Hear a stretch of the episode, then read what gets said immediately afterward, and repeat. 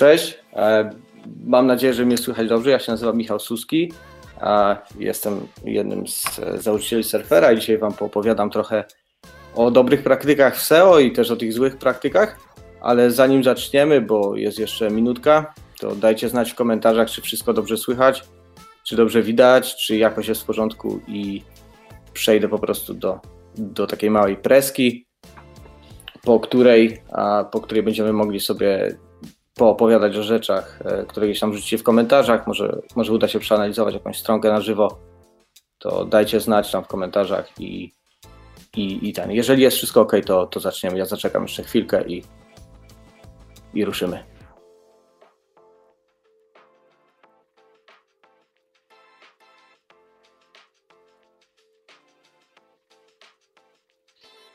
No, także, a w ogóle jeszcze proszę Was o wyrozumiałość, bo pierwszy raz prowadzę coś takiego, także pierwsze koty za płoty.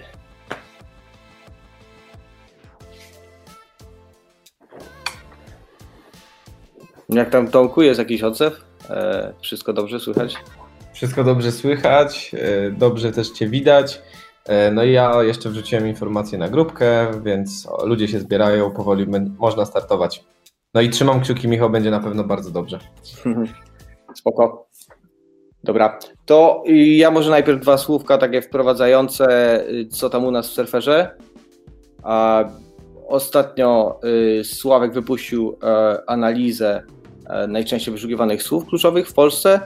E, no jak pewnie, pewnie wiecie, już część z Was wie, zaczęliśmy się troszkę bardziej zajmować mm, wyszukiwaniami, słowami kluczowymi szerzej, całym rynkiem, nie tylko tym, y, co wpisujecie i nie tylko tym, co tam, co tam się dowiemy od konkurencji. Myślę, że y, myślę, że to będzie fajny wstęp y, dla Was, żeby zobaczyć, jaką baską już dysponujemy i co będziemy mogli z niej zrobić. Pierwszym takim featurem, o którym już udało się wspomnieć na poprzednim webinarze, była ta nowa zakładka Keywords, w której możecie zrobić sobie fajny keyword research bardzo szybko. Myślę, że myślę, że działa to całkiem, całkiem płynnie i no po prostu możecie w 5 minut sobie zrobić jakiś keyword research tam, więc a, no, zaczyna się, zaczyna się coś, coś dziać u nas w tym kierunku. A poza tym pracujemy też nad metrykami do, dotyczącymi linkowania zewnętrznego. To jest, to jest zupełna nowość u nas, jeszcze to nigdzie nie jest dostępne, niemniej jednak pomalutku, pomalutku coś, e, coś się kluje w tym kierunku i myślę, że będziecie mogli e, też dużo z tego wyciągnąć. Niemniej jednak nie chcę zbyt, zbyt dużo zdradzać. Po, e, po takich pierwszych testach wydaje się, że jest ok i to będzie, to będzie bardzo dokładna, bardzo dokładna analizka. Mm, a poza takimi technicznymi sprawami, to jedziemy dzisiaj y, do lasu e, Beskidzkiego. Na, na parę dni będziemy knuli tam nowe pomysły na 2019, także e, no spodziewajcie się, spodziewajcie się jakichś takich, no powiedzmy w pierwszej połowie 2019 będzie, będzie kozacko. I teraz już przejdźmy, przejdźmy może do, do tego naszego tematu, który, który brzmi dobre praktyki SEO okiem surfera. Mm, postaram się Wam przybliżyć, e, co, co, co, co ja myślę na temat dobrych praktyk, ile jest faktycznie takich, e, którym można ufać, a które no, nie do końca zasługują prawda, na, na wdrożenie. To ja teraz sobie wrzucę screen share'a. Dobra. Wy powinniście widzieć już preskę. Dobre praktyki SEO okiem surfera. No i od czego w ogóle zaczynamy? Czym są dobre praktyki? No, w, w mojej opinii to są rzeczy, które przede wszystkim nie zaszkodzą. E, to są rzeczy, które można zrobić na każdej stronie i e, na pewno nic, nic złego się nie stanie. E, to są rzeczy, które są bezwzględnie pozytywne, albo inaczej, są co najmniej neutralne. O, dzięki.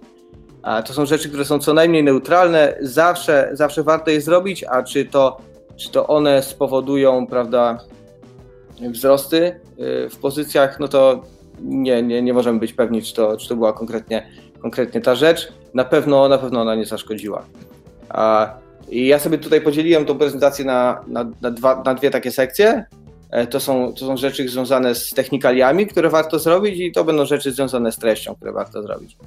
I teraz mamy tutaj elementy techniczne. No a te elementy techniczne, tak z grubsza, no to składa się szybkość działania strony, jakiś tam poprawny render, czy, czy robot, prawda, Google dobrze widzi tą waszą stronę. Tu, jest, tu są takie standardowe rzeczy jak mapa strony i plik robot z TXT e, oraz to czy, to, czy mamy wersję mobilną i jak ona, jak ona wygląda. No i przechodząc do szybkości działania strony, tutaj każdy, każdy punkt troszeczkę rozbiję, e, rozbiję go szerzej e, i, i opowiem e, o co, o co tutaj chodzi. Więc na szybkość działania strony składa się kilka rzeczy. To jest przede wszystkim czas odpowiedzi serwera i ogólny rozmiar strony, czyli, czyli jej waga. W przypadku odpowiedzi serwera ja najczęściej patrzę na metrykę TTFB, czyli Time to First Byte E, to jest ten moment, e, jaki, jaki serwer potrzebuje na wysłanie e, pierwszej porcji danych do użytkownika. I to jest, to jest bardzo kluczowe z tego względu, że po prostu użytkownik nie czeka z white screenem, tylko, tylko już coś tam zobaczy. Tutaj wchodzą też takie metryki jak First Meaningful Paint na przykład. To jest, to jest prawda, ten moment, w którym wyświetli się coś wartościowego, już w którym wyświetli się coś, co, e, co, co, co jesteśmy w stanie odczytać jako informację, e, ale tu jakby nie będę się dało szczegóły. E, co wy możecie zrobić? To jest poprawić TTFB, sprawdzić wersję PHP na swoim serwerze. Jeżeli jest stara, podbić i mamy TTFB załatwione. Jeżeli się nie rozsypie strona, oczywiście. Tutaj przestrzegam WordPressowców, bo, bo może się po prostu dosypnąć. Dobra. Poza TTFB mam jeszcze rozmiar strony. E, tutaj w grę wejdzie przede wszystkim, bo też dobre praktyki, no to, to są rzeczy, prawda, takie, no powiedzmy podstawowe, troszeczkę trywialne. E, więc jeżeli rozpatrujemy rozmiar strony, to w większości przypadków to będą po prostu nieskompresowane obrazki. E, warto zadbać o to, żeby one po prostu były nie, nie przeskalowane. Wiadomo, wiele osób korzysta z wyświetlaczy z retiną, ale no, wyważmy to i, i, i sprawmy, by e, nie tracić za bardzo na jakości, ale żeby, żeby te obrazki były jak najmniejsze. No i te dwie rzeczy się składają już poza wykonywaniem skryptów i tych wszystkich innych rzeczy na ogólny czas ładowania strony, e, który możecie poprawić zarówno przez skrócenie odpowiedzi serwera, jak i zmniejszenie, e, zmniejszenie rozmiaru strony. No to zawsze warto zbić e, jak najniżej.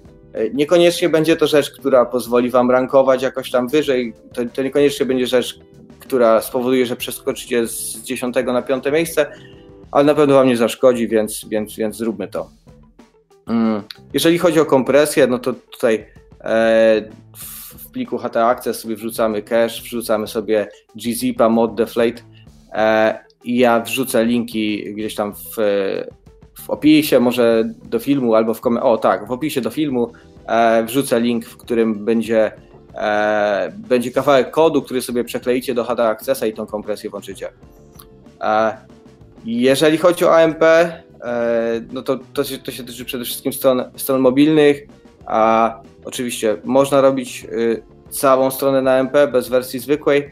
E, to też jest fajna opcja, ale nie chcę się nad tym rozwodzić. E, warto, warto takie AMP wdrożyć, żeby e, przyspieszyć działanie stron na, na telefonach, wtedy one są przechowane w cache'u googlowym e, i po prostu działa to szybciej, mogą być lepsze CTR-y i tak dalej. Nie zaszkodzi. Tylko pamiętajcie o kanonikalach, znaczy o tych, o tych tagach, prawda, e, AMP-owych, żeby sobie nie potworzyć duplikatów. Aha, dobra. Czyli tak wyglądała, tak wyglądał ten e, ten, ten, ten, pierwszy slajd to był ogólny, tak? A ja teraz sobie powinienem opisać te wszystkie rzeczy, które już opowiedziałem. Dobra, to, to takie przypomnienie, tylko przelecę przez to szybko. Tak jak mówiłem, odpowiedź serwera, TTFB, czas wykonywania się skryptów i przede wszystkim co zróbmy, to sprawdźmy wersję PHP. Jeżeli jest 5, 3, 5, 4, 5, 6, czy w ogóle 5 cokolwiek, e, zmieńmy to koniecznie na 7. Teraz już weszło 7.3, e, także e, zróbmy to. A, no i tak, to, to już wszystko w sumie powiedziałem. Skompresuj zdjęcia, wrzuć filmy na jakiś serwis zewnętrzny, nie wrzucaj filmików czy animacji do headera, to zabija czas ładowania. E, po prostu nie rób tego. Jeżeli masz e, taki film gdzieś tam w headerze, jeszcze nie daj Boże, załadowany z własnego FTP-a, e, no pozbądź się go, pozbądź się go e, koniecznie. No jak znaleźć problem z tym czasem ładowania? Tutaj e, często nie wiemy, czy to jest problem z serwerem, czy to jest y, problem z rozmiarem strony na przykład. E, tu możemy użyć kilku narzędzi do tego. E, możemy też użyć oczywiście surfera. Tam sobie możemy e, sprawdzić, czy prawda y, na największy problem z czasem ładowania jest w obrębie TTFB, czy, czy na przykład mamy jakiś przesadzony, przesadzony rozmiar strony typu 5 czy 10 mega. Tam sobie możecie to sprawdzić. Później to pokażę na, na. Albo w ogóle mogę teraz to pokazać. Tak, pokażę Wam teraz. E, zaraz tutaj sobie zobaczymy. E, prawda, po lewej stronie Quality Page Speed i prawda, mamy TTFB. I tutaj e, przykładowo ten, e, ten URL ma TTFB na poziomie 4 sekund, e, co jest no, niezłym hardcorem, bo TTFB powinno oscylować tak jak tutaj macie 300, 500, to, to są wartości, które powiedzmy są ok, e, czy tam 120 to już jest w ogóle bardzo fajnie, 200, super. E, I jakie w ogóle wnioski można wyciągnąć na podstawie, na podstawie tego, e, tego wykresu? To jest to, że w przypadku e, tej konkretnej frazy TTFB no, nie będzie miał jakiegoś mega dużego wpływu, bo jak widzicie, no w top 10 jest masę wyników, które ten TTFB mają tragiczny, ponad sekundę, nawet ponad 2 sekundy, prawie 3 sekundy, strona top 1 i to świadczy, to świadczy przede wszystkim o tym, że w tym wypadku nie chodzi o performance strony, nie chodzi o, szybko, o szybkie pozyskanie informacji, tylko chodzi o to, żeby ta informacja była dobra, czyli tutaj królowała będzie raczej E, raczej zawartość, jakość tej zawartości, aniżeli jakieś metryki performance'owe. No i teraz jak znaleźć ten problem, czy to jest TTFB, czy, czy, czy coś innego? E, narzućmy sobie tutaj ogólny load time jeszcze. Po prawej stronie doszedł nam nowy, doszła nam, doszła nam e, nowa oś Y, prawda, i możemy sobie, możemy sobie sprawdzić, aha, na żółto mam, prawda, load time 7 sekund, z czego TTFB stanowi 4 sekundy. No to jakby tu jest sprawa oczywista, odejmujemy jedno od drugiego, no, strona się ładuje niecałe 3 sekundy, y, gdyby nie patrzeć na TTFB, więc no zdecydowanie to jest problem TTFB, prawda? A tutaj mamy, tutaj mamy zupełnie odwrotny przypadek. TTFB, no 2 sekundy TTFB, no to jest dużo, to jest dużo, ale ogólny czas ładowania strony jest, jest ponad 8 sekund, czyli sama strona, nie patrząc na TTFB, ładuje się ponad 6 sekund co jest y, no, problemem zdecydowanie też z samą stroną. Nie tylko z TTFB, ale też sama strona, sama strona ładuje się kiepsko. E, w ten sposób możecie sobie porównać, e, zobaczyć z czym, z czym macie problem, czy to jest bardziej serwer, czy może obydwie rzeczy. No, tak to można zrobić. Później, później ewentualnie mogę e, dopowiedzieć, możecie wrzucić gdzieś tam na grupie facebookowej pytanie, czy, czy, czy, czy na przykład y, ja mam problem z serwerem, czy, czy, czy z rozmiarem, ja wtedy odpowiem po, po webinarze. Dobra, czas ładowania. Kompresja, tak jak wspomniałem, e, wrzucamy to w HT Accessa, ja w, e, wrzucę w opisie filmu e, później, e, jak będzie zapis tego webinaru, wrzucę informację o tym, co konkretnie tam sobie wkleić i, i będzie ok. AMP to też już można pominąć. Dobra. Mam jeszcze taki element jak renderowanie strony. I czy robot Google widzi stronę tak samo jak użytkownik? E, to jest bardzo ważne, bo czasami możemy mieć jakieś ukryte zasoby, zablokowane raczej, zablokowane zasoby w robocie, nie wiem, folder ze stylami, czy, czy no powiedzmy, że to może być, to może być krytyczne, czy z obrazkami powiedzmy. No i e, użytkownik zobaczy stronę normalnie, tak jak, tak jakbyśmy chcieli, a robot Google będzie widział, nie wiem, łysy tekst, albo nie zobaczy obrazków, albo nie zobaczy jakichś innych ważnych elementów, które będą robiły tą różnicę, prawda? Wydaje nam się, że mamy stronę bardzo dobrą, a w rzeczywistości robot widzi prawda, jakiś półprodukt. Więc jak możemy to sprawdzić? Możemy to sprawdzić w Google Search Console oczywiście, tylko że tam będziemy mieli tylko wycinek strony, to będzie tam kawałek, kawałek od góry i zobaczymy, jeżeli na górze będzie problem, to to zobaczymy. Możemy też oczywiście zrobić to w surferze.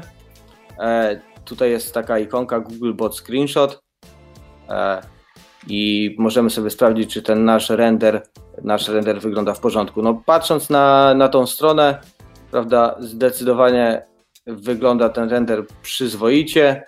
E, nie widzę tutaj jakichś problemów. Spróbuję jeszcze ze dwie e, zobaczyć. Może znajdę jakiś, e, jakiś problematyczny adres URL. O, no powiedzmy, że tutaj, tutaj jest jakiś problem, prawda? Bo e, mamy przysłoniętą całą treść przez politykę prywatności i cookies. E, niewiele widać poza, poza tym pop-upem. E, ja staram się doradzać, żeby, żeby taki pop-up znalazł się w miejscu, który nie będzie przesłaniał najważniejszej treści. Prawdopodobnie tam jest gdzieś opis kategorii tego sklepu bądź coś podobnego. No to jest problem. Zdecydowanie tak. Dobra. Mapa strony, to wiadomo, oczywista sprawa, 99% y, z Was pewnie to robi, ale w kilku punktach. Przede wszystkim wygeneruj ją, zrób tą mapę strony. Jeżeli masz WordPressa, możesz użyć tam Yoasta, e, odpowiednio go skonfigurować i e, taka mapka się pojawi od razu. Jeżeli e, macie wątpliwości co do tych e, struktur, hmm, takich dwupoziomowych czy trzypoziomowych mapek strony, takich jak generuje na przykład Yoast, że tam jest osobna mapka do, do postów, osobna do podstron. E, one są ok. E, nie, nie przejmujcie się tym, że to wygląda właśnie w ten sposób. E, nie, na pewno Wam nie zaszkodzą. Możecie też, jeżeli nie, nie korzystacie z WordPressa, możecie tam wpisać sobie XML Sitemap Generator w Google'ach i, i, i tam sobie znajdziecie stronkę, która Wam taką mapkę wygeneruje. Wrzucacie ją na serwer. Pamiętajcie o wrzuceniu do Google Search Console a możecie też przeindeksować y, adres sitemapy. Powinna, powinna szybciej, y, szybciej zostać przemielona. No i bardzo ważne jest, żeby dbać o jej aktualność, bo jeżeli macie wygenerowaną mapkę gdzieś tam ręcznie, czy napisaną, czy no, nie jest ona automatycznie aktualizowana, tak jak w przypadku Yoasta na przykład, czy jakichś mapek sklepowych, wtyczek wbudowanych w e-commerce, gdzie one się aktualizują, E, no to będziesz miał problem po dodaniu, czy będziesz miała problem po dodaniu jakiegokolwiek posta, bo on po prostu nie będzie w mapie strony, więc będzie jakaś sprzeczność, bo wyślesz go do indeksu, e, ale w mapie go nie ma, e, nie jest zablokowany w robocie, ale już, już są jakieś, prawda, mm, no po prostu sprzeczności w tym, co, w tym, co chcesz zaserwować do Google'a na temat swojej strony, a tym, co, tym, co prawda jest w mapie. Więc dbaj o jej aktualność, no i przede wszystkim nie umieszczaj w mapie blokowanych stron. Jeżeli mapka będzie wygenerowana, a ty część witryn chcesz zablokować, nie wiem, w, w MetaRobots czy, czy gdziekolwiek z takiego czy innego powodu, zadbaj o to, żeby nie było ich w mapie strony, bo Google e, sprawdza sobie mapę strony, wchodzi na stronę, który, którą, którą mu została poddana, prawda, a nagle ona jest zablokowana, no index, no follow, no i jest, jest prawda, kwas, więc nie róbmy tego. Dobra, robots. Y, wspomniane wcześniej nieblokowanie zasobów, y, czyli jakieś tam styli obrazków i tak dalej. E, jeżeli nie jesteś pewny, blokujesz jakiś, blokujesz jakiś, y, jakiś katalog, e, ale nie jesteś pewny, czy, czy Twoja strona będzie dostępna dla robota, sprawdź ją e, w Google Search Console. No i mm, w ramach podsumowania, brak robotsa jest lepszy niż źle skonfigurowany plik, także no czasem lepiej mieć niż nie mieć, bo lepiej jest odwrotnie. Dobra. E, jeżeli już dajecie robotca, oczywiście trzeba go dać, trzeba go dać, ale jeżeli już go dajecie, on musi być zrobiony dobrze, bo jak będzie zrobiony źle, to lepiej go było nie dodawać. Wtedy, prawda, wszystkie boty będą miały dostęp. Ok. A już na większości stron jest Mobile First Index, więc y, trzeba zadbać o to przede wszystkim żeby była pełna dostępność treści i funkcji, porównując wersję desktopową i wersję mobilną. Tutaj e, no, mogą być czasem mm, czasem problemy z e, jakimś, nie wiem, skalowaniem na przykład, z breakpointami kolejnymi e, na, na urządzeniach mobilnych, że gdzieś tam treści nie widać na ekranie, czy w ogóle jakiś blok się schowa, to będzie problematyczne, porównujmy to, sprawdźmy, czy faktycznie mamy wszystkie, wszystkie treści widoczne zarówno na wersji mobilnej, jak i na wersji desktopowej. A możemy to też porównać w surferze, wystarczy, że, że zrobimy sobie, prawda, analizę, analizę desktop i analizę mobile a, i zobaczymy na przykład, czy jest taki sam body word count. Jeżeli tak, to, to możemy założyć, że, że jest ok. Ja tutaj sobie zrobiłem desktopową, więc no, nie mam w tym momencie tego porównania, ale, ale warto, warto sobie coś takiego zrobić. A wcześniej wspomniana wersja MP, no ona, ona poprawi po prostu performance naszej, naszej strony a, na urządzeniach mobilnych, więc też, też zróbmy to. I teraz przejdę do, do zawartości, do zawartości strony, co warto, co warto na stronie zmienić, jeżeli chodzi o, o, o jej zawartość, co, na co warto zwrócić uwagę. Na pewno warto zwrócić uwagę na odpowiednią strukturę treści, czyli e, dbajmy o to, żeby była zachowana hierarchia tych podstron, żeby e, był łatwy dostęp do wszystkich adresów URL, które faktycznie są dla nas ważne.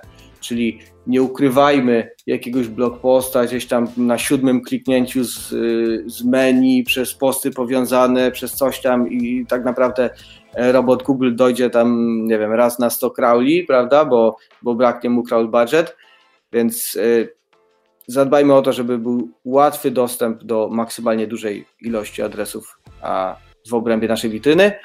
Mm, dbajmy o konsekwentne linkowanie wewnętrzne, o tym, o tym powiem więcej później. No i oczywiście o unikalność treści, czyli nie piszmy dwa razy o tym samym na dwóch różnych URL-ach. Jeżeli piszemy, to, to niech to będą rzeczy e, przynajmniej odrobinę inne, dotykające trochę innych, e, trochę innych tematów. E, może to być jedna myśl przewodnia, ale niech, niech będzie ogólnie troszeczkę inaczej. A, I teraz y, bardziej szczegółowo o strukturze strony. A, co to jest crawl budget? To jest e, to jest metryka, która, która mówi e, robotowi Google, jak, jak, jak wiele podstron może sprawdzić na Twojej stronie, jeżeli wchodzi i, i prawda, robi tego crawla, Twojej witryny. E, jeżeli tego crawl budget zabraknie, to te strony, które będą schowane gdzieś tam z tyłu na piątej czy, czy siódmym kliknięciu, prawda, w, od strony głównej, e, to po prostu zabraknie nam tego crawl budget i on tam nie wejdzie. On nam nie, nie przeindeksuje tych stron. Dlatego musimy tutaj e, dbać o, o optymalną strukturę i prawda, e, nie dopuszczać do sytuacji, w której crawlowane są strony, na których nam nie zależy, a te, na których nam zależy, są gdzieś tam schowane głęboko. I to się wiąże bardzo z dostępnością tych podstron czyli no, po prostu nie mogą być schowane za głęboko. Postarajmy się zrobić jakieś tam, nie wiem, tu może być taki pro tip, y, menu rozwijane, które na przykład rozwija się dwa razy, wtedy ze strony głównej możemy, możemy dojechać praktycznie wszędzie, do każdej usługi e, i, i, i, to spowoduje, że e, no, wszystkie te postrony będą łatwo dostępne. Jeżeli mamy bloga, wylistujmy gdzieś te, gdzieś te wpisy, prawda, żeby e, łatwo było do nich dotrzeć.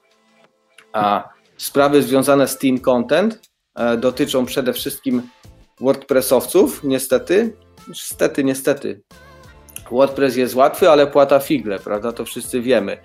E, I tutaj w przypadku WordPressa i Team Content chodzi o strony, które nie przekazują ważnych informacji, które nie mają ciekawej, istotnej zawartości, a mimo wszystko są zaindeksowane i dostępne dla użytkownika i robota. To mogą być na przykład tagi, to mogą być strony kategorii, to mogą być e, w ogóle wszystkie te taksonomie, które występują w WordPressie, customowe i te standardowe, tak jak tagi i kategorie, czy autorzy na przykład. E, to może powodować, że będziemy mieli team content i nasz crawl budget będzie marnowany na rzeczy, które nie są istotne, to raz, a dwa, takie strony mogą nam często kanibalizować wyniki A o co chodzi w kanibalizacji? Chodzi mniej więcej o to, że mamy dwie strony, które rankują na to samo i one się między sobą biją, prawda? To jest bez sensu, bo raz robot Google pokaże, prawda, zrobi sobie, zrobi sobie analizę, prawda, przekrauluje nasze strony, no i zdecyduje, że no dzisiaj pokaże, dzisiaj pokaże kategorię, prawda, bo tam w meta title jest, jest, prawda, exact, nie wiem, jest trochę, trochę, prawda, treści z tych leadów do artykułów, no to pokaże kategorię. No ale na drugi raz zrobi crawla i się okaże, że no jednak może ten artykuł, który jest napisany właśnie dokładnie o tym zagadnieniu, co, co cała kategoria, być może on jest lepszy. E, no i skończymy w efekcie e, z e, takim problemem, że żadna z tych stron nie będzie na tyle wysoko, jak mogłaby być jedna najważniejsza z nich, czyli, czyli ten artykuł. Więc na pewno trzeba walczyć z kanibalizacją, to jest dobra praktyka. Dobra. Linkowanie wewnętrzne. Fajna sprawa, bo możemy zrobić link building za darmo. Problem może być pewnie troszeczkę na, na, na, nowych domenkach, bo tam pewnie za wiele to, za wiele to nie da, ale jak zaczniemy dobrze, to, to później e, to się nam opłaci. Więc e, co trzeba, mm, co trzeba, na co trzeba zwracać uwagę przy linkowaniu wewnętrznym, to przede wszystkim na konsekwentnym użytko, używaniu anchorów, e, czyli unikamy anchorów typu tutaj, czytaj, więcej i tak dalej, bo to są anchory, które nic nie mówią w wyszukiwarce. One, wiadomo, może gdzieś tam występują w otoczeniu jakichś tematycznych słów, ale unikajmy ich, bo to, to nie jest najlepsze rozwiązanie. Zdecydowanie lepszym rozwiązaniem jest wykorzystanie anchorów na przykład z exactem bądź partialem do głównej, głównej frazy artykułu czy usługi, o której piszemy. I jeżeli my konsekwentnie będziemy używać takiego anchora, e, to to się nam odpłaci e, po prostu poprawą pozycji, poprawą pozycji w Google. Więc zachowajmy konsekwencje, nie zmieniajmy tych anchorów, nie mieszajmy tymi anchorami za bardzo, nie, nie wrzucajmy tam 10 tematów do tych anchorów, bo, e, no bo to nic nie daje. Znaczy nie nic nie daje, to szkodzi. Dobrą praktyką jest konsekwencja, złą praktyką jest niekonsekwencja. No i dalej. Zachowanie hierarchii zależności. To też jest istotne, bo mm, jeżeli mamy na przykład e, blog albo hmm, prezenty powiedzmy pod choinkę, prawda? I mamy sobie blog posta o prezentach pod choinkę i mamy też blog posta o prezentach pod choinkę dla babci no fajna sprawa, prawda? Y, tutaj będzie bardziej, e, bardziej e, dokładna, e, dokładna grupa użytkowników, prawda? No i jakie mogą się pojawić błędy? No błędy się mogą pojawić takie, że będziemy linkować wewnętrznie po frazie prezenty pod choinkę do prezentów pod choinkę dla babci. Niby fajnie, niby jest ok, bo, bo Anchor jest tematyczny, ale do tej e, strony, która jest teoretycznie niżej w hierarchii, czyli prezenty dla babci, bo to jest bardziej sfokusowane, bardziej, e, bardziej dokładne określenie, do niego powinniśmy linkować zdecydowanie po Anchorze prezenty pod choinkę dla babci albo prezenty dla babci, żeby to, co różnicuje od posta ogólnego, było użyte w Anchorze, a z prezentów dla babci linkować prezenty pod choinkę, czyli tym bardziej ogólnym Anchorem do do posta, który jest, który jest ogólny. To e, musimy zachować tą hierarchię, tą konsekwencję i, i będzie dobrze, bo w przeciwnym wypadku skanibalizujemy sobie na przykład e, ten ogólny post, prawda, na frazę, która jest, która jest ważniejsza, nie? No bo prezenty pod choinkę jest ważniejsze niż prezenty pod choinkę dla babci. Zakładam, że ma trochę więcej wyszukiwań. W sumie nie wiem, bo to przykład z głowy. Dobra. I teraz taki trik, w linkowaniu wewnętrznym, link wewnętrzny do siebie po egzakcie. E, no trochę, trochę to może być, prawda, e, no nie, na pewno nie jest to pod użytkownika, ale y, zdarzało mi się, że, że po prostu takim trikiem sobie wbijałem frazy, czyli gdzieś w treści e, swojego artykułu umieszczałem egzakta, linkowałem go wewnętrznie do artykułu tego samego prawda? Czyli no po prostu jak jeden z dziesięciu na siebie dostaje 20 punktów. No to mniej więcej tak to działa. Nie zawsze, ale, ale no, u mnie nieraz to klepnęło. A unikalność treści. Kolejne dobre praktyki, wszyscy je znamy. E, jeżeli mamy duży sklep, to zastosujmy schematy meta. Niech będzie tam jakaś zmienna, niech coś je różnicuje, ale naprawdę włóżmy minimum wysiłku w to, że, żeby te opisy były maksymalnie unikalne. Jeżeli nie mamy czasu, no to chociaż jedną zmienną, no nie wiem, nazwę produktu chociaż, albo no nie wiem, no cenę, no cokolwiek tam wrzućmy, żeby, żeby, żeby to nie były zawsze czarne buty. A jeżeli mamy stronę, która ma tam, nie wiem, 10, 20 czy, czy nawet 100 podstron, napiszmy z ręki wszystkie opisy meta, e, to, y, to się opłaci. To, to jest dobra praktyka. E, warto poświęcić trochę czasu, żeby, żeby ręcznie napisać, żeby ręcznie napisać wszystkie meta. Jeżeli mamy sklep i tam jest 10 tysięcy podstron, napiszmy tylko do stron kategorii. Albo chociaż do kategorii głównych. To na pewno, na pewno przyniesie, przyniesie korzyści. Zazwyczaj, e, jeżeli tylko mam na to czas, to, to, to staram się takie opisy meta pisać. Mm, oczywiście duplicate content, a to, to jakby wszyscy wiemy, e, nie zżynamy opisów od, od konkurencji, e, bo tobie to zaszkodzi, a jemu nie. Bo jeżeli u niego najpierw zostało gdzieś tam e, zaindeksowane, to, to, to ty będziesz miał duplikat, a, a jemu się nic nie stanie, bo on ma treść oryginalną, więc E, takie treści no, niewiele dają, prawda? Lepiej napisać krótszy opis ręcznie niż e, skopiować po raz setny z tego samego katalogu produktów, e, bo no, to, nie przyniesie, to nie przyniesie żadnej korzyści sklepowi, czy, czy, czy blogowi, czy jakiejkolwiek stronie. No i wspomniana wcześniej kanibalizacja. Jeżeli tutaj, tutaj głównie chodzi o to, że jeżeli piszemy e, dwa razy o tym samym, no nie wiem, e, o, o, o, o link buildingu w 2018 i o link buildingu w 2019, musimy zwrócić uwagę na to, żeby e, rankowała nam ta strona, którą chcemy, którą chcemy, prawda, wypromować. W tym przypadku by to była raczej, raczej ta nowa, te nowe techniki w 2019. Więc żeby spróbować, a, spróbujmy napisać to, no wiadomo, tam będzie treść różna, ale to się będzie kanibalizować, bo jedno jest o link buildingu i drugie. Więc co możemy zrobić? To zlinkować wewnętrznie po, po egzakcie link building, powiedzmy, czy, czy po prostu po, po, po frazie, jaką targetujemy, zlinkować wewnętrznie z posta starszego do posta nowego, jeżeli ten nowy ma być tym głównym, prawda? I wtedy, wtedy jest duża szansa, że, że Google załapie, że aha, ten, ten jest ten nowszy, ten aktualny, to, to ten ma się wyświetlać na frazę link building. A to tak można sobie z tym radzić. Jeżeli koniecznie musimy napisać e, o tym samym.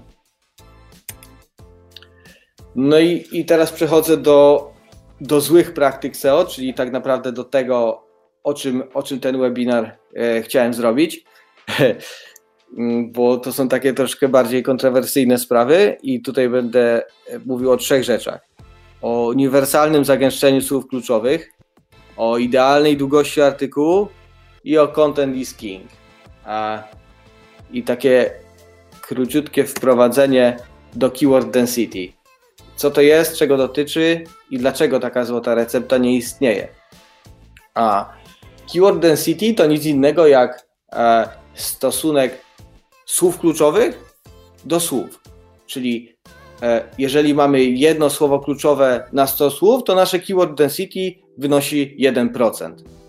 I e, jeżeli sobie pogooglujecie zagraniczny, zagraniczny internet, mm, no anglojęzyczne źródła przede wszystkim, w sprawie keyword density, to bardzo wielu e, super ekspertów będzie się spierało, jakie jest to idealne keyword density.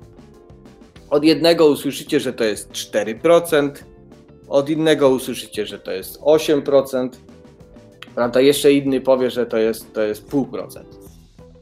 I a, tak naprawdę e, nie ma, nie ma takiego czegoś jak, jak złota recepta, bo zawsze jest inaczej. I e, keyword density determinuje, determinują strony, które, które rankują wysoko, bo jeżeli sobie weźmiemy na przykład e, stronę z, nie wiem, maksymalnie dużym, no weźmy, wróćmy do tego naszego przykładu, e, maksymalnie duże keyword density w body. E, tu pewnie egzaktów nie będzie, więc, więc weźmiemy sobie partiale. No i ok. W top 10 maksymalne keyword density to jest, to jest 8%. Niecałe 9 tak naprawdę.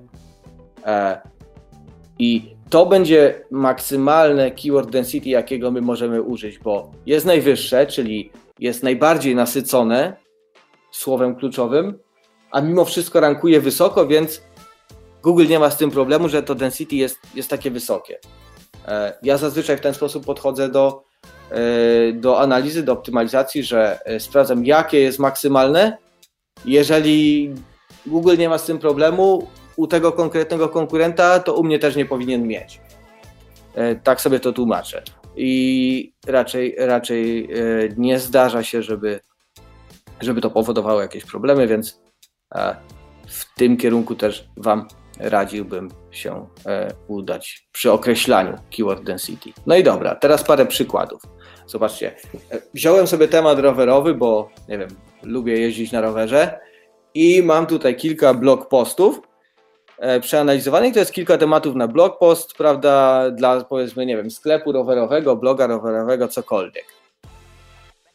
No i tutaj sobie wyciągnąłem średnie dla topów, a i jak widzicie, w przypadku rozkuwania łańcucha, no to tych parciali powinno być 66 na 1000. Przy centrowaniu koła 79. Przy smarowaniu łańcucha już 94. A jeżeli rozważamy, czy kupić pedały platformowe, prawda, czy, czy zatrzaskowe SPD, no to jest to 53. No i jak to się ma do idealnego, do idealnego, yy, prawda, złotego, yy, złotego zagęszczenia? No, no nijak się nie ma. E, zawsze trzeba to sprawdzić. E, nie ma tutaj wyjątków. E, musimy sprawdzić, jak to wygląda na targetowanym słowie kluczowym, jak to wygląda u konkurencji z tego, z tego słowa kluczowego i dopiero wtedy nasycamy swoje treści, bo jeżeli my je nasycimy na 4%, to w jednym przypadku to może być dwa razy za mało, a w drugim dwa razy za dużo.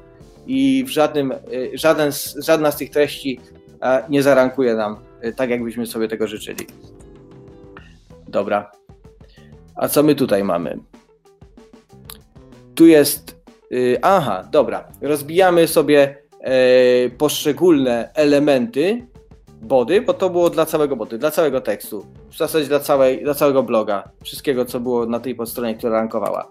Tutaj mamy e, rozbite na poszczególne elementy. To jest po lewej stronie, tutaj macie na górze całe body w lewym górnym rogu. Później w prawo e, alty, lewo dół paragrafy i prawo dół nagłówki. I zobaczcie, jak, jakie są różnice w zagęszczeniu słów kluczowych w tym samym artykule, w tym samym top 10 dla poszczególnych, dla poszczególnych sekcji, czyli w całym body jest 53, ale w altach już jest drugie tyle. E, w paragrafach jest podobnie jak, jak, jak w całym body, bo paragrafy to powiedzmy stanowią 90 tam, nie wiem, 5% czy 90% całej treści na stronie. Więc jest to wartość zbliżona do, do całego body. A nagłówki, no to są stosunkowo krótkie, zazwyczaj, zazwyczaj piszą, e, pisze się w nagłówkach, e, używa się tych słów kluczowych, no bo, no bo stricte opisuje się konkretny akapit, prawda, więc tutaj to zagęszczenie jest najwyższe i to jest aż 139 partiali na 1000 słów. To jest 14, 14 słów kluczowych na 100. To jest, to jest naprawdę dużo.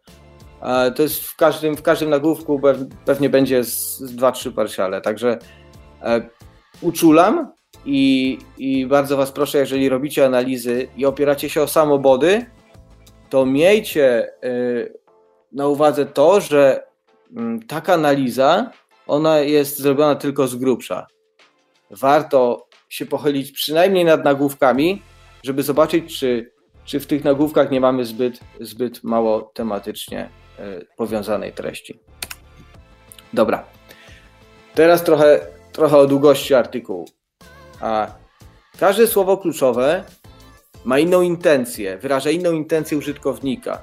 Jeżeli, jeżeli ktoś będzie szukał, e, jaki jest kurs dolara, to go nie interesują elaboraty o, o kursie dolara od 53 roku, tylko, tylko będzie chciał zobaczyć, prawda, konkretnie kurs dolara, prawda, ile, ile on wynosi, więc tutaj prawdopodobnie nie będzie trzeba dużo treści. Ale jeżeli będzie chciał się dowiedzieć, czy, czy, czy kupić te, te wspomniane SPD, czy, czy zwykłe platformowe, no to raczej będzie chciał przeczytać opinię użytkowników, będzie chciał przeczytać e, wady i zalety tego wszystkiego. Więc jeżeli piszemy artykuł o kursie dolara, jeżeli piszemy treści na stronie o kursie dolara, to pewnie będzie trzeba krótszych treści. Jeżeli piszemy o, o, o, o wyborze prawda, jakiejś tam rzeczy, to raczej będzie trzeba te treści dłuższe przygotować. I e, były, były dawniej takie praktyki, że nie wiem, artykuł jak piszemy, no to minimum 300 słów. No to to się ma nijak, prawda, do, do rzeczywistości, bo taki artykuł na 300 słów często, nie wiem, no może się pojawi w top 100 no może się pojawi. Jeżeli jest dobrze zoptymalizowany poza brakiem, brakiem prawda, dostatecznej długości, no to, no to gdzieś tam się pojawi. Ale e, to będzie często, często para gwizdek, nawet jeśli gdzieś tam, nie wiem, kupimy sobie jakieś fajne miejsce na link building i e, zlecimy tam tekst na 300 słów na szybkości, prawda, bo nie wiem, taki budżet nie spina się, no cokolwiek, różne są, prawda, różne są przyczyny tego, że się e, ten tekst pisze niedostatecznie długi czy, czy nawet za długi. E, zwróćmy uwagę na to, czego potrzebujemy i czego szuka użytkownik, i tak to piszmy. Ja za chwilę, za chwilę powiem o tym więcej. Lokalizacja wyszukiwania, ona też będzie determinowała ilość treści, o czym, o czym za chwilę się przekonacie. E, podobnie ma się, ma się to, jeżeli chodzi o rodzaj urządzenia, czyli wyszukiwania mobilne, wyszukiwania desktopowe. E, czego innego możemy oczekiwać, szukając na, na, na telefonie, prawda, tych samych słów kluczowych. No i dobra, jak to się mają te długości? E, dalej ten sam temat. Dalej temat rowerowy. Y, zostawiłem te, te analizy, bo no, w pewnym sensie potwierdzają to, co mówię, więc no, nie ma sensu szukać gdzieś tam, nie wiem, dalej. E, mamy te same posty, sparowanie łańcucha, rozkuwanie łańcucha, centrowanie koła i wybór tych pedałów i zobaczcie, jak się różnią długości i jakie długie powinny być artykuły na poszczególne tematy. Gdybyśmy założyli, że no nie wiem, napiszemy wszędzie na tysiąc, no to w dwóch by nam się udało, w dwóch by się nam nie udało. Gdybyśmy wszędzie założyli, dobra, to piszemy cztery teksty na 1500, no to w dwóch artykułach byśmy yy, puścili parę gwizdek, bo by było 500 za dużo. Nie trzeba aż tyle pisać o rozkuwaniu łańcucha czy o centrowaniu koła, bo to proste czynności, warto by było ten budżet przeznaczony na napisanie tekstów ulokować w napisaniu solidnego artykułu o wyborze pedałów platformowych czy tam SPD. I e, to świadczy między innymi, między innymi o tym, że podpierając się krótką analizą, 5 czy 10 minutową, my jesteśmy w stanie zaoszczędzić budżet i ulokować go tam, gdzie jest on rzeczywiście potrzebny, a nie, yy, nie wiem, zdecydować, yy, bo tak nam się wydaje, że napiszemy cztery teksty po tysiąc, to jest tyle razy, nie wiem, ileś groszy, słów kluczowych, prawda, i, i prosty rachunek. Nie, nie róbmy tak. E, sprawdźmy, ile potrzebujemy i napiszmy tyle, ile potrzebujemy, to, y, to się odpłaci. Mm, nie jest dobrą praktyką e, stosowanie złotej zasady typu lepiej rankują artykuły, które mają 2000 słów. Gdzieś tak przeczytałem ostatnio, jakieś super badania. No, no fajnie, tylko że te badania dotyczą kilku tysięcy artykułów na różne tematy. No i średnio im wyszło tak. No ale ciekawe w ilu przypadkach yy, napisali za dużo, a w ilu za mało. No to nie ma sensu. Yy, takie badania wypuszczał gdzieś tam Semrasz, ostatnio wypuszczał ktoś inny, już nie pamiętam. No nie jest to, nie jest to kierunek, którym trzeba zmierzać. Jeżeli piszemy o jakiejś konkretnej rzeczy, sprawdźmy, czego tak naprawdę chce użytkownik i spróbujmy mu to dać. Teraz te lokalizacje. Zobaczcie. Jedna fraza, catering dietetyczny, różne miasta. No, tutaj akurat, akurat nie jest o, o, o długości, ale też możecie, możecie sobie coś porównać. Jak różnią się wyszukiwania ze względu na lokalizację? Zobaczcie, w Katowicach ma być 8 egzaktów, we Wrocławiu, prawda, 12, a w Krakowie, no nie wiem, tu widzę niecałe 6 jest. Czyli możecie zobaczyć, jak ważne jest przeanalizowanie dokładne, dokładnie tego, czego, czego ty, e, co, co, co ty powinieneś mieć na swoim rynku, żeby być najlepszym. E, prawdopodobnie to samo by było w e, pozycjonowaniu stron i w każdym innym biznesie lokalnym dotyczącym jakiejś ogólnej frazy i, i, konkretnego, i konkretnej lokalizacji. Na dole macie frazę software house, która jest wspólna, prawda, we wszystkich językach, powiedzmy. E, no i, no i w Polsce software house'y mają w top 10 średnio 800, tam trochę słów, w Niemczech trochę więcej, w Czechach zdecydowanie mniej, ale w UK to już jest, to już jest około 1300. E, no i no wnioski, wnioski powinny się nasunąć takie, że no muszę sprawdzić, gdzie chcę rankować, w jakiej lokalizacji i na której mi zależy najbardziej. Jeżeli mam jedną anglojęzyczną, powiedzmy, stronę dla całego świata, global, no to określam sobie mój rynek priorytetowy i może to być UK w tym przypadku i piszę na 1300. A jeżeli to będą Czechy, to analizuję sobie Czechy, piszę na 600 i patrzę, co ci Czesi tam takiego robią, że im wystarczy 600. Może upychają, yy, prawda, słowo kluczowe, a może siedzą na linkach. No trzeba, trzeba to zweryfikować, ale na pewno nie można, nie można tego zrobić bez podparcia się analizą. No i wyszukiwania mobilne, inne oczekiwania użytkowników. Jeżeli ktoś jest na, na rynku w Krakowie, prawda, i sobie wpisze restauracja, e, to dostanie, dostanie prawda, strony restauracji, jakieś tam TripAdvisory czy inne Foursquare'y, a jeżeli ktoś jest, e, prawda, siedzi sobie e, w domu i, i, i, siedzi przy kąpie i myśli nad założeniem restauracji i sobie wpisze restauracja, to, to, to on zupełnie czego innego oczekuje. Więc bądźmy świadomi, e, jeżeli chcemy y, łapać klientów, e, którzy idą sobie deptakiem i prawda, szukają naszej restauracji, zróbmy analizę, co powinna strona zawierać na mobile, co, co, tam się faktycznie, co tam się faktycznie powinno wyświetlać above default, czy tam mają być, ma być adres, ma być telefon, ma być rezerwacja, dowiedzmy się i e, przygotujmy optymalizację, przygotujmy treści dokładnie pod to, czego mój potencjalny klient szuka, a nie czego szuka gość, który siedzi, prawda, przy biurku i myśli o założeniu restauracji. Dobra. E, teraz e, kontrowersja ostateczna. Content is king, bardzo modne. E, większość, większość agencji już gdzieś tam sobie wypisała, prawda, że content is king.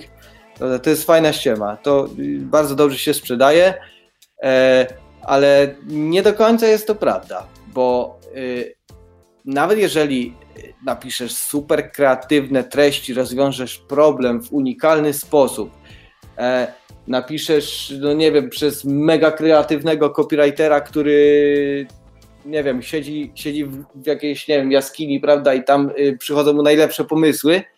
E, jeżeli ten content e, nie będzie albo super zoptymalizowany, nie będzie na jakiejś fajnej domenie, nie będzie dopalony PPC, to on zginie. On e, zniknie sobie gdzieś tam, prawda, na tej 80 pozycji czy 70 dotrą do niego ci użytkownicy, którzy gdzieś tam już wchodzą na stronę, prawda, i być może y, wchodzą głębiej, prawda, czytają kolejne artykuły. No wiem, że to się rzadko zdarza, więc e, do czegoś brakuje w takim podejściu, prawda.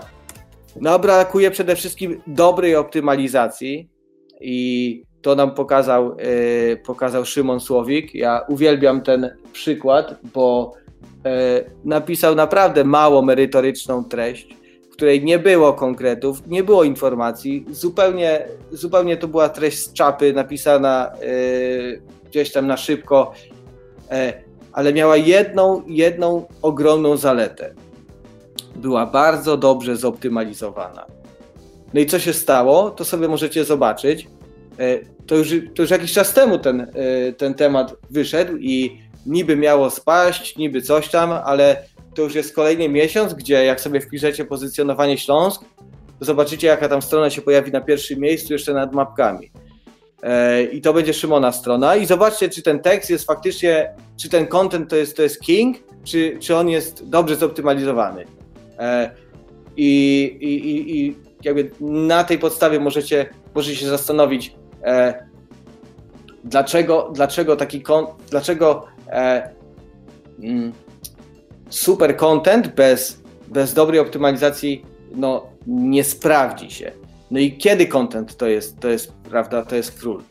Jeżeli treść będzie zoptymalizowana i kompleksowa, jeżeli będzie opublikowana na mocnej domenie, jeżeli użytkownicy znajdą w niej odpowiedź, wtedy, wtedy to będzie prawdziwy król kontentu. E, bo jeżeli my połączymy naprawdę świetny tekst, ja, ja nie mówię, że, że świetne teksty są złe, nie, one są super, tylko musimy dać do nich trafik. Musimy dać do nich trafik, bo jeżeli e, nie będą mieli użytkownicy szansy pokazać dobrych wskaźników behawioralnych, długich czasów przebywania na stronie, jeżeli nie będzie tam dobrych CTR-ów, bo jest na 80 pozycji, czy tam na, na, na czwartej stronie, bo się nie zoptymalizowało tego tekstu. Jeżeli użytkownicy nie będą w stanie pokazać Google'owi, że tak, my lubimy ten tekst, to on nie pójdzie. To, to on gdzieś tam, gdzieś tam zginie, prawda? I stwierdzimy, że nie warto robić kontentu, albo nie wiem, spróbujemy zrobić drugi raz to samo. E, także piszmy fajny content, ale optymalizujmy go bezwzględnie. Nawet, nawet przede wszystkim optymalizujmy. Ja wiem, może później to gorzej sprzeda, prawda? E, bo będzie, będzie gorszej jakości tekst, ale będą jacyś tam, będą jacyś użytkownicy, prędzej, prędzej sprzeda prawda, gorszy tekst, jeżeli będzie miał ekspozycję tysiąca użytkowników, niż świetny tekst, na który wejdzie jedna osoba. Yy, I to będzie auto. A, I teraz kolejne, kolejne jakby yy, elementy, które, które musimy zawierać, zawierać w treści. Yy, musimy wiedzieć, co jest ważne dla odbiorców to może być długi poradnik, to mogą być właśnie dobre wskaźniki behawioralne, to może być najszybsza strona w stawce. Nie wiemy tego, nie wiesz tego, jeżeli tego nie sprawdzisz. I teraz ja sobie tutaj sprawdzam. Otworzyłem sobie mój ulubiony przykład o pedałach platformowych i zobaczcie. Widać wyraźnie trend od top 20 do top 1, że raczej chodzi o długie treści, raczej chodzi o kompleksowe treści. Jest więcej stron, które mają dużo tekstu, no ale top 1 tutaj pozamiatał, yy, bo pomimo, zresztą w sumie możemy sobie tutaj, tak, tu jest ten przykład, zobaczcie, on miał, z tego co pamiętam, miał bardzo długie load time'y. E, chyba, chyba tak było. No tak, on się ładuje 8 sekund, ten tekst. Ale to mu nie przeszkodziło rankować najwy, najwyżej, najlepiej, bo prawdopodobnie ci użytkownicy no, nawet mogli spróbować wyjść z niego bo nie wiem, długo się ładuje, coś tam, ale przejrzeli te poradniki, które są z tyłu, nie były one tak kompleksowe i wrócili prawdopodobnie do tego wyniku na pierwszym miejscu. I to świadczy, że w tym przypadku chodzi o najlepszy tekst. On jest najbardziej kompleksowy, ma najważniejsze informacje, zawiera wszystko, czego, czego użytkownik potrzebuje, dlatego najprawdopodobniej jest po prostu na pierwszym miejscu. Tutaj mamy taki y, przykład udzielenia konkretnej odpowiedzi. To jest raza kurs dolara, gdzieś tam już o nim mówiłem wcześniej. Na fioletowo mamy ilość słów, a na pomarańczowo mamy ilość egzaktów above default. I zobaczcie, strony, które miały 12 tysięcy słów, czy tam prawie 4 tysiące, one nie wyprzedziły tych, które są na topie.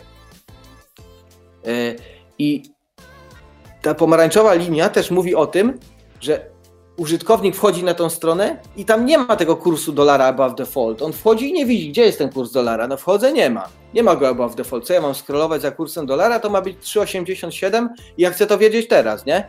I zobaczcie, strony, które mają mało słów, mało treści, mają 4 razy albo 3 razy above default kurs dolara. Więc ja wchodzę na tą stronę, widzę kurs dolara, mam go, wychodzę, zamykam wyniki wyszukiwania, nie ma pogo sticking, jest jest git, prawda? A na tamte, na tamte po prostu nie ma sensu wchodzić, no bo, no bo, no bo po co? Ja będę czytał 12 tysięcy słów o, o kursie dolara, to mnie nie interesuje. Mnie interesuje kurs dolara, więc konkretna odpowiedź w tym przypadku jest ważna. I zobaczcie, mówiłem o szybkości, najszybsza strona stawce. No niekoniecznie. Zobaczcie, tutaj jest load time sklepów e, motocyklowych, które sprzedają kaski. No i to jest top, top 9 konkretnie. No i zobaczcie, load time rośnie. No ciekawe. No, dla mnie tu jest bardzo prosta odpowiedź. Ludzie chcą zobaczyć dużo produktów na stronie, dlatego ona się dużo dłużej ładuje. Ludzie chcą zobaczyć duże zdjęcia, chcą pooglądać te kaski i wtedy dopiero je kupią. A jeżeli komuś się strona załaduje, nie wiem, tutaj mamy strony, co się ładują 500 milisekund, ale tam jest, nie wiem, jeden kask albo, albo, albo nie wiem, bardzo, bardzo mała jakość zdjęć, albo, nie wiem, tych kasków jest niewiele, no to, to nie są strony, których oczekują użytkownicy w tym przypadku. W tym przypadku nie musisz być szybki, musisz dać coś innego. Na pewno nie jest to szybkość. I teraz tak, domenki. Domenki. Tekst na mocnej domenie. To jest często, y, często prawda, y, podnoszony temat. Ja też go często podnoszę. Wiadomo, jak się opublikuje na mocnej, no to wejdzie wyżej. To jest, to jest yy, oczywista sprawa. No ale zobaczcie tutaj. Jest przykład pozycjonowanie. W topie no większość domen jest mocnych, no bo, no bo rankują na dużo keywordów, prawda? Yy, Okej, okay, a widzę, że czas się kończy. 10.54. Dobra, to nie będzie pytań najwyżej. Eee, nie no, żartuję. Eee, tak, yy, trochę się ten wybiłem. Dobra, będę przyspieszał. I tak już kończę. Jest pozycjonowanie, większość stron jest na mocnej domenie. No, tu by się przydało mieć mocno. Jest tylko kilka takich, powiedzmy, z, z trafikiem, z trafikiem niższym prawda, tam rzędu 10 czy, czy 7 tysięcy. Ok, tu by się przydało mieć mocną, ale zobaczcie tutaj. E, jest znowu ten kurs dolara i tutaj na 10 pozycji mamy bankier.pl chyba, na 12 coś tam innego. Zobaczcie, 350-400 e, tysięcy wejść miesięcznie z organika, a oni są w tyle. No, prawdopodobnie dlatego, że no, tutaj w tym przypadku nie chodzi o mocną domenę, tylko chodzi o o to, żeby dać ten kurs dolara. A bankier pewnie tam pisze, prawda, o, o tym, jak, jak ten kurs, prawda, się kształtował przez ileś tam lat, albo, no nie wiem, o czym on pisze, ale, ale ma mocną domenę, nie jest wysoko, więc nie daje tego, czego oczekują użytkownicy. E, I teraz wiązanie krawatu, lewy dolny róg. E, zobaczcie, strona na top 3, a jest tylko 391 fraz, na które rankuje. Czyli tym przypadku możesz znaleźć się obok mega mocnej domeny, która tam na milion trzysta tysięcy fraz rankuje, czy tam 300, 350 tysięcy fraz. Ty możesz być na top 3 ze słabą domeną, wystarczy, że dasz dobry content. Tutaj, e, tutaj zdecydowanie, zdecydowanie wystarczy dobra, dobra jakość, odpowiedź na pytanie e, i, i to się sprawdzi. No i w sumie to jest wszystko. E, pewnie są jakieś pytania. E, to ja zamykam tutaj prezentację, wracam do Hangouta, przestaję screenshare'ować jak znajdę guzik. Stop. Ok. Jestem znowu e, i Tomek. Michał, pojawiło się parę pytań, to prawda. E, ogólnie no faktycznie czas nas trochę goni i e, ja tam e, jakbyś przeczytam ci, e, jeśli pozwolisz. Było takie jedno ciekawe, właśnie E, była taka kontrowersja, tutaj wywołała się mała dyskusja na temat tego, czy lepiej jednak mimo wszystko pisać długi tekst, e, bo on ma szansę rankować na po prostu wiele pozycji i czy warto poświęcać 10 razy więcej czasu na napisanie 10 razy e, dłuższego tekstu, czy, czy nie? Jakie jest Twoje zdanie w tej kwestii? Aha, dobre pytanie. E, musimy zdefiniować sobie, na co chcemy rankować. Jeżeli e, mamy przygotowaną grupę słów kluczowych, którą byśmy chcieli tym ogromnym tekstem e, osiągnąć, to pasowałoby sprawdzić, czy takie poradniki bardzo kompleksowe się pojawiają.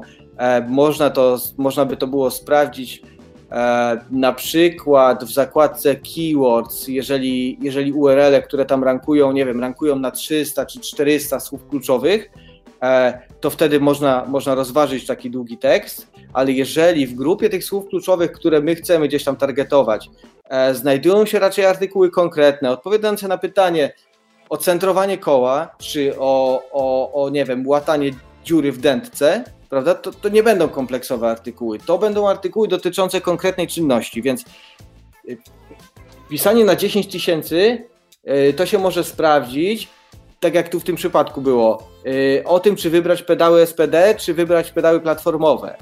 Ale nie sprawdzi się y, w przypadku, gdy chcemy rozkuć łańcuch, bo to jest, to jest prosta sprawa. Tam nie, nie, ma za bardzo, nie ma za bardzo filozofii. Pewnie jest zdjęcie i 10 punktów, jak rozkuwamy ten łańcuch. Więc e, tak naprawdę tu jest kwestia mm, no, określenia, czego oczekuje użytkownik. Jeżeli oczekuje kompleksowego poradnika, to to robimy.